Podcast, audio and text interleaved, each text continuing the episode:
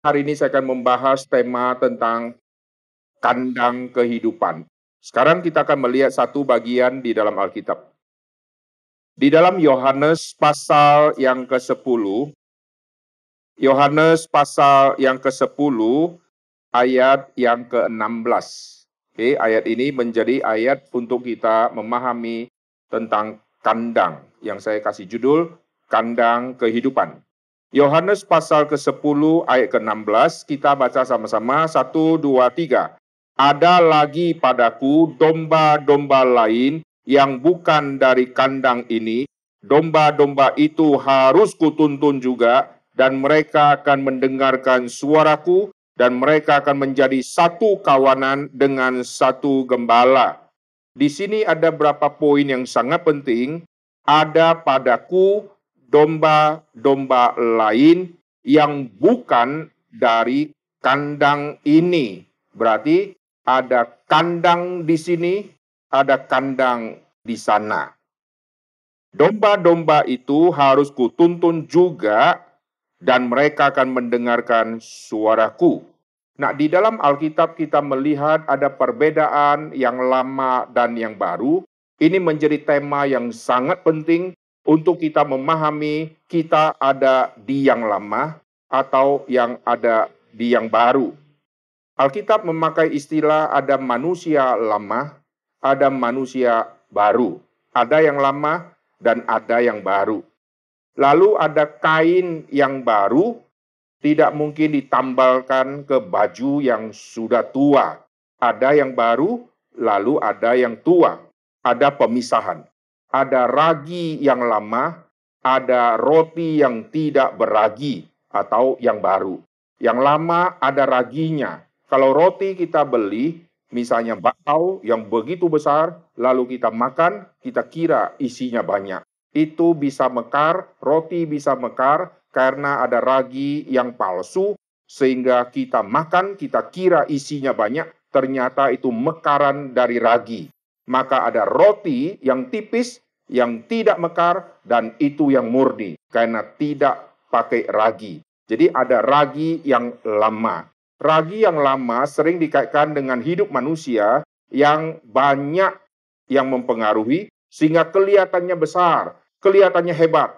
Ternyata di dalamnya itu keropos.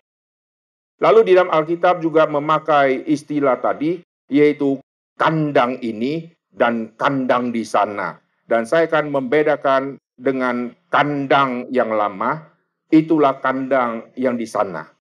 Kandang yang baru adalah kandang yang di sini. Apa maksudnya?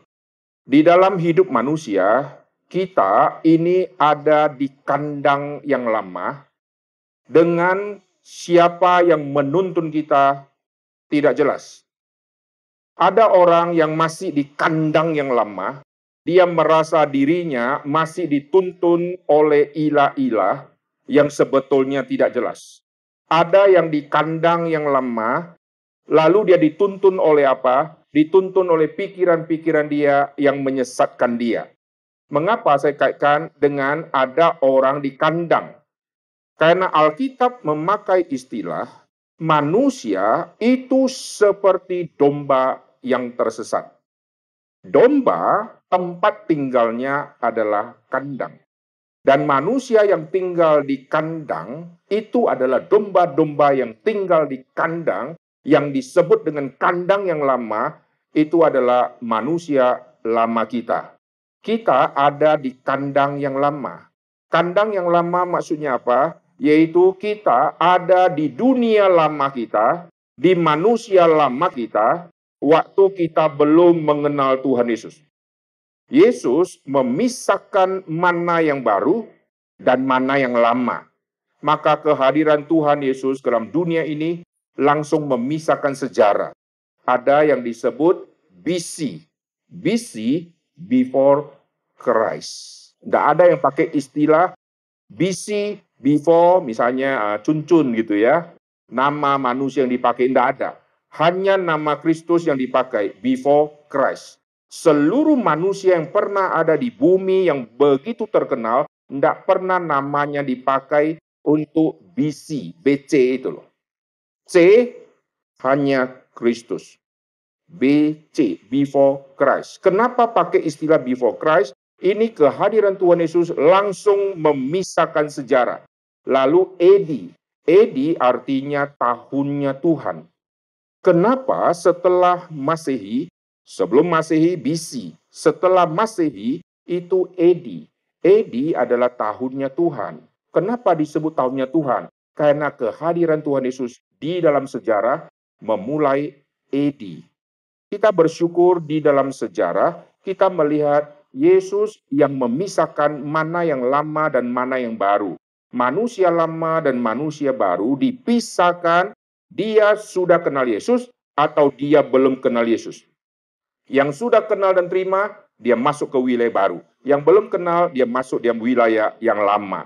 Lalu yang lama itu seperti apa? Yang lama kita domba yang tersesat dengan tidak ada gembala kita memilih ilah-ilah untuk jadi gembala kita. Dan kita bersandar kepada pikiran yang menuntut kita seperti jadi gembalanya kita. Sedangkan kita yang sudah diselamatkan, kita ada di kandang ini. Kandang dengan Kristus yang adalah gembala. Nah, Yesus dilahirkan ke dalam dunia ini.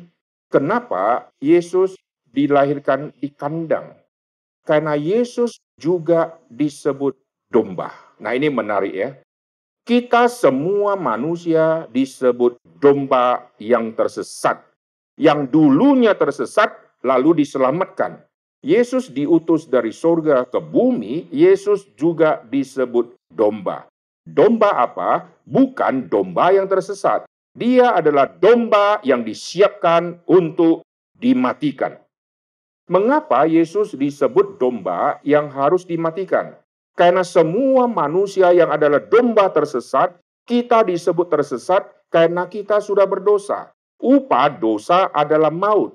Maka untuk menyelesaikan dosaku, maut yang harus aku terima, nyawaku harus melayang, nyawa diganti dengan nyawa.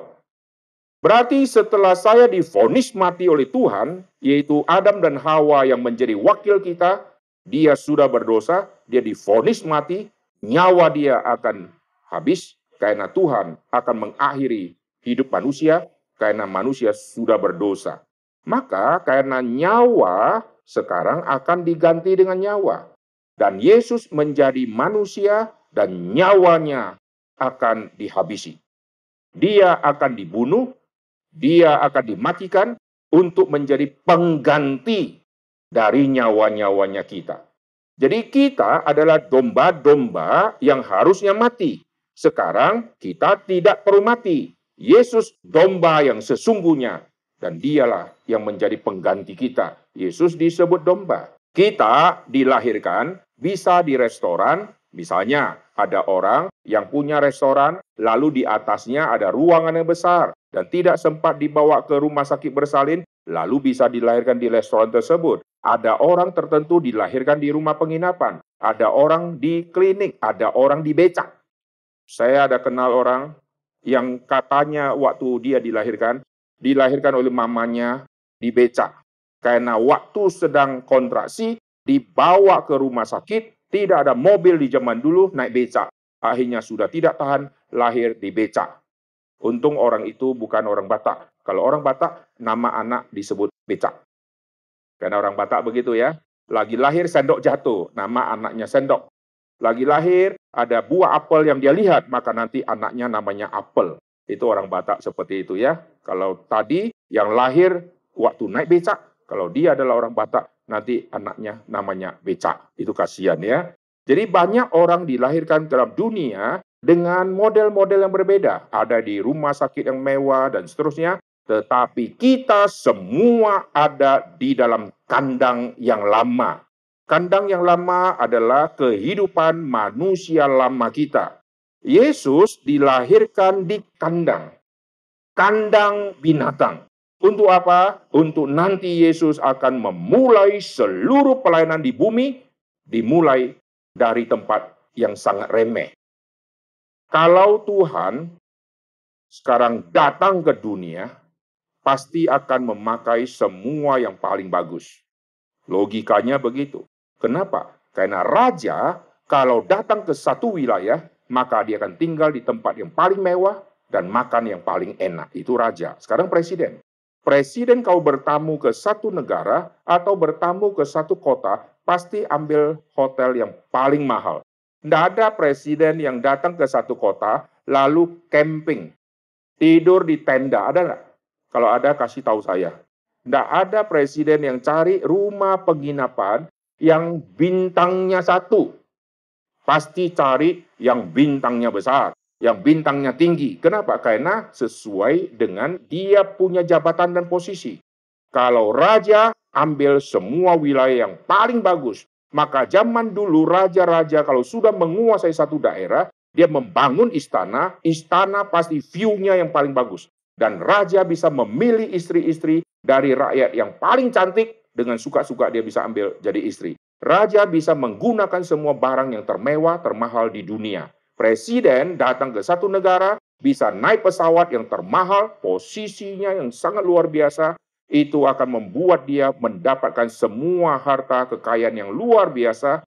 Kalau dia dijamu, pasti dijamu dengan makanan yang termewah.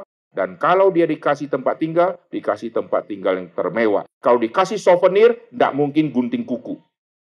Pasti souvenir yang terbaik semua yang terbaik. Sekarang, Yesus adalah Tuhan. Kalau datang ke bumi, pasti harus pakai yang terbaik. Betul nggak? Sekarang, di bumi, yang mana yang disebut terbaik, sehingga cocok untuk Tuhan pakai. Tidak ada satupun di bumi yang cocok yang dianggap terbaik. Semua yang raja anggap terbaik, bagi Tuhan, itu tidak terbaik.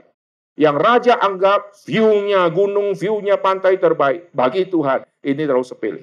Tidak ada yang di bumi yang dianggap terlalu bagus sehingga Tuhan cocok untuk pakai. Tuhan sudah memiliki tahta di dalam kerajaan surga yang melampaui semua kerajaan di bumi. Lalu di bumi, bumi yang begitu kecil. Saudara kalau lihat, itu tata surya, bumi itu kecilnya luar biasa. Dibandingkan matahari, bumi tidak ada apa-apanya. Apalagi kita yang sedang duduk di sini, dilihat dari pesawat terbang saja, cari nggak ketemu. Saudara coba naik pesawat, cari coba. Di mana kantor ini berada. Lihat sampai akhirnya ditutup dengan awan nggak ketemu-ketemu. Kalau sudah lihat kantor, coba cari yang mana kita. Tidak terlihat, saudara. Ini naik pesawat. Melihat daerah sini, melihat kantor sini, melihat kita, ini kita sangat kecil. Apalagi dari daerah Bima Sakti, tempat ketinggian melihat bumi. Bumi hanya satu titik saja dan sangat kecil. Lalu bumi yang hanya satu titik, adakah yang cukup untuk Tuhan pakai dan Tuhan bertata di situ? Terlalu kecil. Tidak ada yang cocok. Tuhan sudah bertata di kerajaan surga, lalu waktu dia di bumi, dia mestinya mengambil semua tanah, daratan, pulau, dan seterusnya untuk dia pakai semua. Tetapi tidak. Yesus dilahirkan di kandang binatang. Kenapa kandang? Karena Yesus adalah domba Paskah. Domba tinggalnya di kandang. Dan Yesus tidak dihargai, Yesus tidak diterima di rumah penginapan waktu Yesus mau dilahirkan. Kenapa rumah penginapan menolak Maria dan Yusuf waktu itu? Dan Maria sudah hamil tua dan mau melahirkan. Kenapa rumah penginapan menolak? Karena orang Yahudi punya konsep, jikalau seorang wanita yang alirkan darah, dia sedang najis. Kalau dia sedang duduk di satu kursi, kursi yang dia duduk dan dia sedang ada aliran darah, kursi itu jadi najis. Setelah ibu ini berdiri, lalu kita duduk, kita ikut najis. Karena kenajisan si wanita yang ada darah tadi nempel menajiskan kursi kursi yang najis diduduk oleh saya, maka kenajisan kursi sekarang pindah ke saya. Lalu orang lain duduk lagi, orang lain semua jadi najis. Maka kalau rumah penginapan menerima Maria, seluruh rumah penginapan, semua barang yang disentuh oleh Maria, semua jadi najis. Dan mereka menolak karena mereka merasa kami rumah penginapan yang suci dan bersih. Tidak boleh ada yang najis di sini. Maka Maria harus pindah cari tempat yang lain bersama dengan Yusuf. Dan akhirnya tempat yang najis tempat yang jorok, itulah kandang binatang, di situlah tempat yang najis, cocok untuk orang najis. Bagi orang Yahudi, Maria sama Yusuf tidak jelas pernikahannya, tapi bisa hamil. Ini orang najis. Bagi mereka mau lahirkan anak, begitu lahirkan, waktu darah dialirkan, kau sekarang sedang najis. Dan orang-orang yang jorok, yang najis ini, cocoknya di tempat yang jorok juga. Maka kita melihat kehadiran Tuhan Yesus dalam dunia ini tidak diterima, tidak dihargai, sehingga kandang binatang yang menjadi satu tempat yang menerima kehadiran Tuhan Yesus. Akhirnya secara tidak sadar kita melihat ya seluruh gereja di seluruh dunia waktu menampilkan drama Natal selalu kira-kira yang ditampilkan pasti tentang kandang. Heran. Selalu drama Natal sejak saya masih kecil. Drama Natal nanti dicarilah wanita yang rambut panjang. Lalu cari si istri majelis, kau jadi Maria. Pada matanya cipit-cipit gitu ya. Pokoknya rambut panjang, Maria gitu ya. Cari lagi yang laki-laki yang agak ganteng-ganteng. Oh, eh kau Yusuf. Lalu zaman dulu pakai bayi yang asli. Pinjam anak siapa yang baru dilahirkan supaya nanti dia oek-oeknya lebih jelas gitu kan. Padahal Yesus sudah berumur kira-kira satu tahunan toh. Jadi kalau bawa bayi, bayi yang baru lahir, oe, oe, itu sebetulnya kurang cocok. Pokoknya suasana mesti suasana Natal.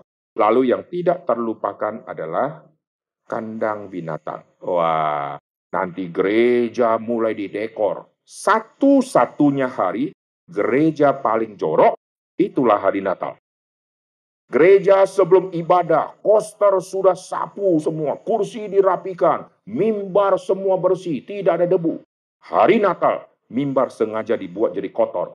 Karena nanti ada koran-koran bekas yang dicelup air, lalu dibuat semacam dekor-dekor, jerami-jerami yang mestinya tidak boleh ada di gereja, kotor luar biasa, sekarang ditaruh di dekat mimbar gereja. Lalu nanti palungan kayu-kayu nggak tahu dari mana-mana diambil. Lalu didekorlah membentuk seperti kandang binatang. Dan hari itu semua jemaat datang ke gereja. Tidak marah, kenapa mimbarku jadi kotor? Coba hari biasa buat begitu. Kasih jerami, lalu koster dimarahin. Koster langsung disidang oleh majelis. Kenapa ada jerami kau tidak sapu? Tapi di hari Natal, kadang-kadang eh, eh, atau kencing binatang sengaja tidak dibersihkan. Ada gereja tertentu, waktu mau Natal, mereka buat Natal, mereka pakai binatang yang asli. Sehingga waktu gradi bersih, mereka bawa si dombanya. Dan domba kalau mau pipis nggak pernah tahu di mana dia harus pipis. Dia nggak tahu arah kiri toilet, kanan toilet, nggak tahu dia. Di mana dia lagi mau pipis, dia pipis di situ. Waktu dia pipis dekat daerah mimbar, Langsung panitia berkata, jangan dilap. Supaya nanti saat perayaan Natal drama, suasana aroma kandang tercium sama jemaat. Lebih yakin, wah hari itu aroma kotoran tidak dibersihkan. Supaya hari Natal, waktu mereka masuk ke gereja, betul-betul seperti masuk ke kandang binatang. Tapi semua ini palsu. Karena lewat Natal, gereja disapu bersih lagi. Wah, langsung dibersihkan semua lantai. Lalu minggu-minggu berikutnya gereja sudah harum sekali. Nah sekarang pertanyaannya, kenapa satu-satunya kali gereja diizinkan kotor, kenapa hari Natal?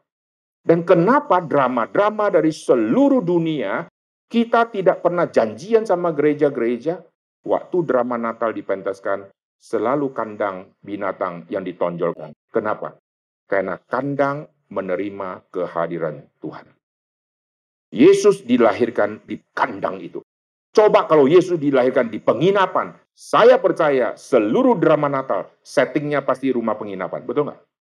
Meskipun ada orang buat drama Natal settingnya penginapan, tetapi itu satu mungkin di antara seribu drama. Sisanya semua pasti palungan, pasti drama Natal dan seterusnya bicara tentang ada kandang lah, ada gembala lah, ada Yusuf lah, ada Maria lah, ada palungan, ada bayi.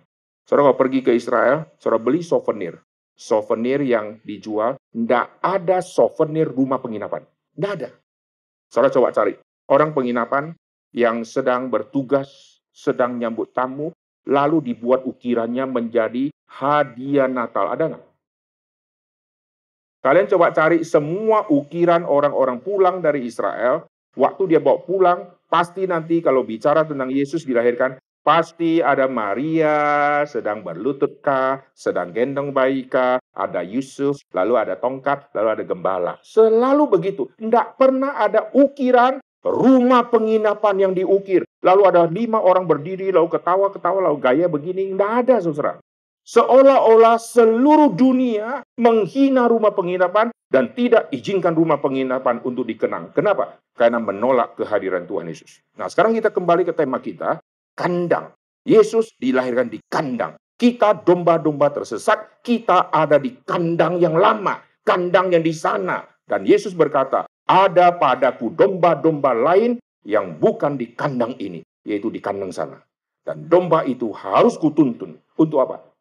pindah kandang. Nah, saudara perhatikan di sini. Apa artinya menjadi orang Kristen? Menjadi orang Kristen artinya pindah kandang. Kita harus meninggalkan yang lama. Manusia lama harus ditinggalkan. Tidak bisa saya menjadi manusia baru dengan manusia lama, terus saya bawa bersama-sama. Tidak bisa. Tidak bisa saya sekarang di dua perahu, satu kanan, kaki kanan ada di perahu kanan, kaki kiri ada di perahu kiri. Saya harus menentukan sikap, saya harus berdiri di perahu yang mana. Saya harus duduk di perahu mana. Tidak bisa satu perahu sebelah kiri saya, kaki kiri, satu lagi di kaki kanan. Tidak bisa. Itu artinya tinggalkan. Saya kasih contoh. Saya lagi dayung satu perahu, bersama dengan nelayan lagi mancing ikan. Begitu lagi mancing, ternyata tabrak karang, lalu mulai bocor. Setelah bocor, sekarang saya perlu pertolongan. Saya teriak minta tolong karena perahu saya akan tenggelam. Datanglah satu perahu nelayan yang lain lewat dan saya teriak, "Tolong!" Lalu dia datang menolong. Waktu dia datang menolong, pilihan cuma satu. Saya harus tinggalkan perahu saya yang lama, saya pindah ke perahu dia. Tidak bisa kaki kanan saya di perahu dia, kaki kiri saya di perahu yang lama. Saya pasti tenggelam. Saya harus menentukan sikap. Apakah saya pindah ke perahu dia atau saya tetap? Kalau saya tetap, saya pasti tenggelam. Kalau saya tetap di sini, saya tidak perlu teriak minta tolong. Kalau saya teriak minta tolong, artinya saya mau ditolong dan saya siap untuk meninggalkan perahu lama.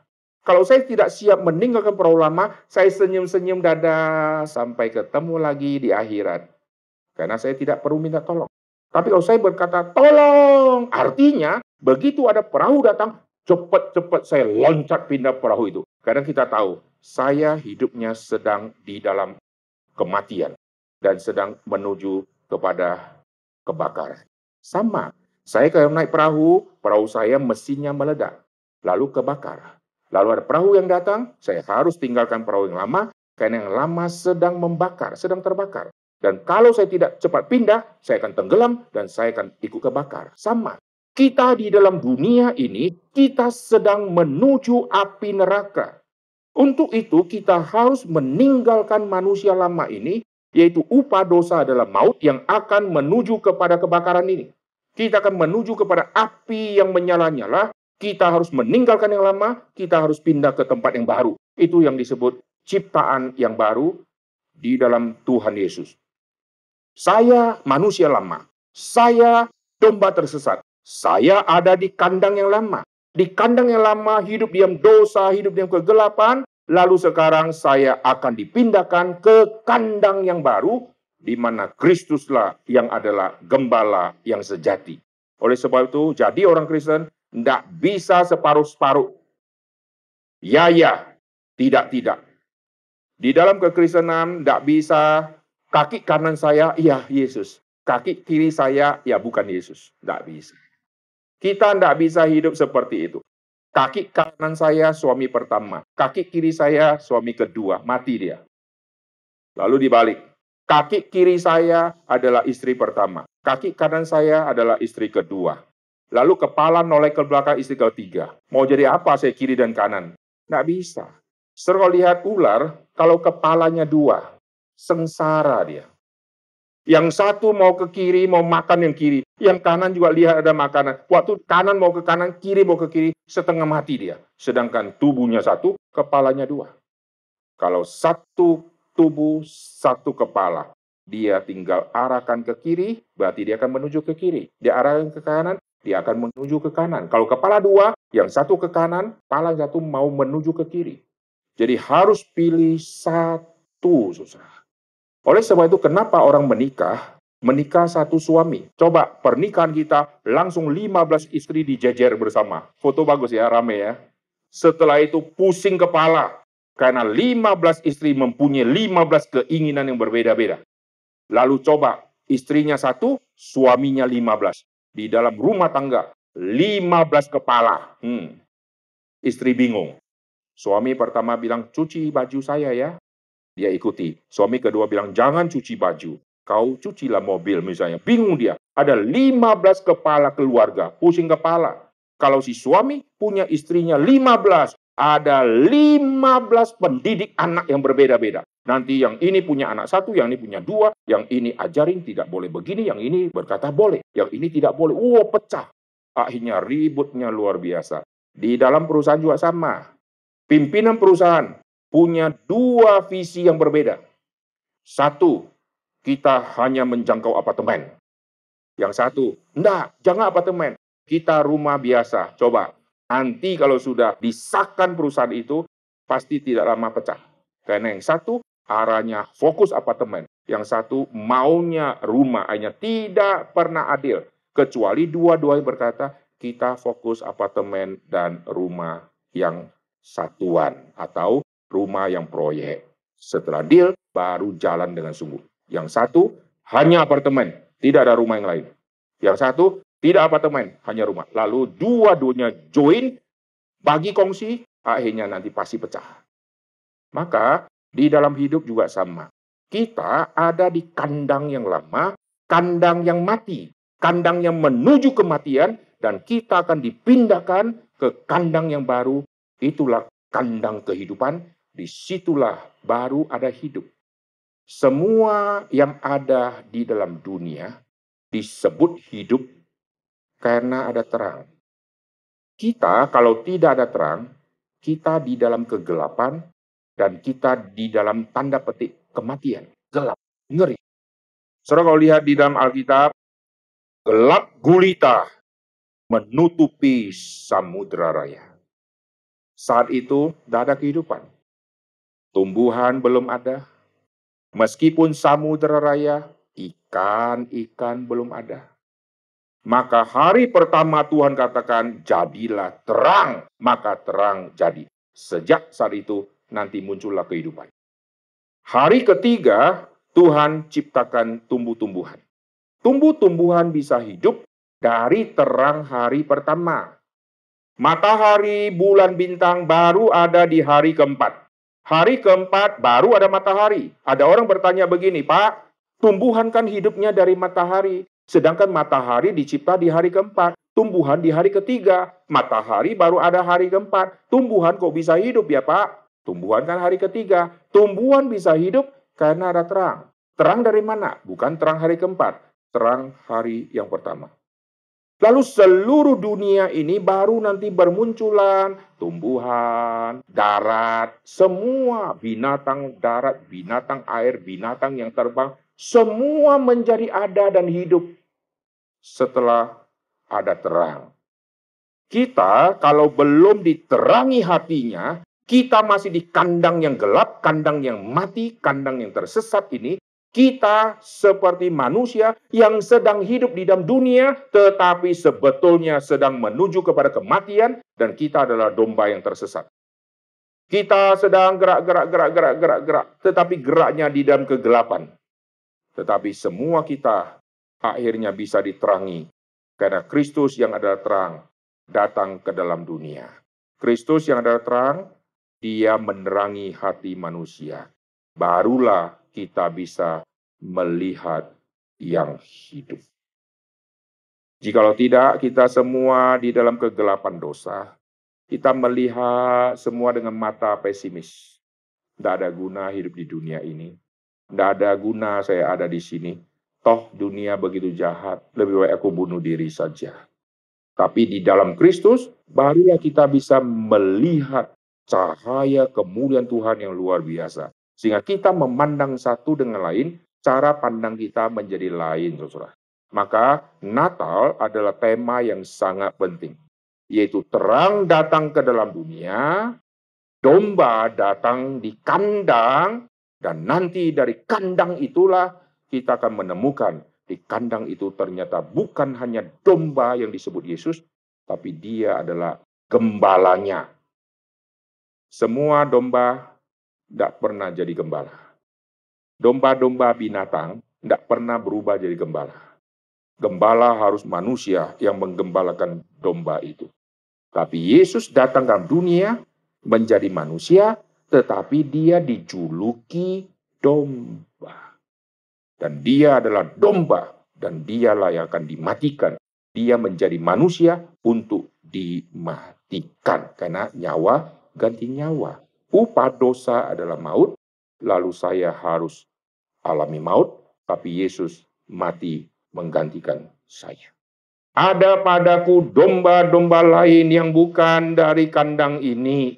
Berarti ada kandang lain, kandang sana sama kandang dengan Yesus yang adalah gembala kandang domba-domba yang sudah diterangi hatinya. Dan Kristus adalah domba pasca yang mati untuk mereka, dan Kristus sekaligus gembala bagi semua kawanan domba itu.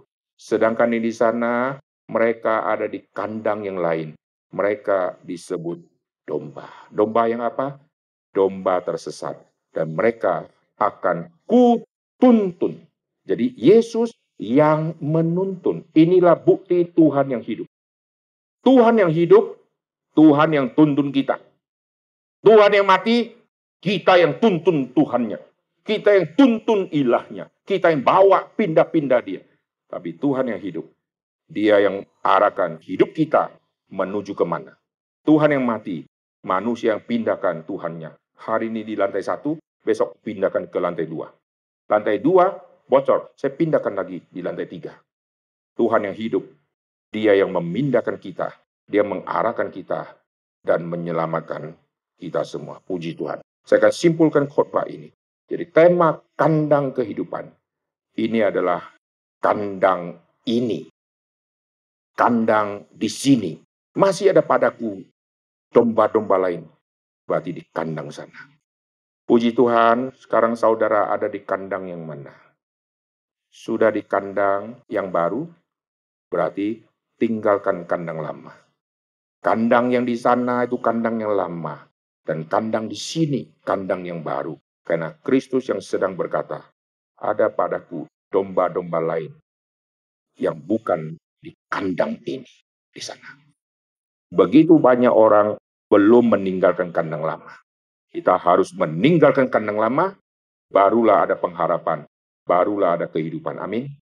Jikalau tidak, kita ada di kandang kematian yang akan mengarahkan kita menuju kematian dan akan menghadapi api yang menyala-nyala. Tapi kandang kehidupan akan membawa kita ke dalam kehidupan abadi selama-lamanya. Itulah hidup yang kekal di dalam Yesus. Mari kita berdoa. Bapak yang surga, kami berterima kasih untuk apa yang sudah kami dengar. Kami bersyukur untuk cinta kasih Kristus yang mau datang ke dalam dunia ini, yang disebut domba, seperti Yesus dipersiapkan untuk nanti saatnya tiba harus mati. Dan Yesus juga disebut domba pasca, maka Yesus akan mati di hari pasca. Dan Yesus bukan hanya domba yang dimatikan lalu selesai, tapi Yesus adalah Allah yang menjadi manusia, dan Yesus adalah gembala para domba-domba tersesat, dan Yesus mati untuk domba-domba, dan Yesus menggembalakan para kawanan domba-domba yang sudah diterangi hatinya. Kami berdoa untuk hari Natal seperti ini. Banyak domba-domba yang ada di kandang-kandang yang lain, di kandang-kandang yang lama, biar satu persatu bisa berpindah menuju kandang di mana Kristus yang adalah gembala. Jadikan Natal sebagai Natal penginjilan. Jadikan Natal sebagai Natal di mana manusia mengenal Kristus yang lahir dan mati untuk manusia berdosa. Terima kasih Tuhan atas firman yang sudah kami dengar. Kami berdoa untuk setiap kami yang ada di sini, Tuhan terus kuatkan iman kami, dan Tuhan yang menerangi kami, Tuhan yang akan menuntun langkah hidup kami. Karena Tuhan yang hidup adalah Tuhan yang memimpin, Tuhan yang mengarahkan kami. Dengar doa kami dalam nama Tuhan Yesus kami berdoa. Amin.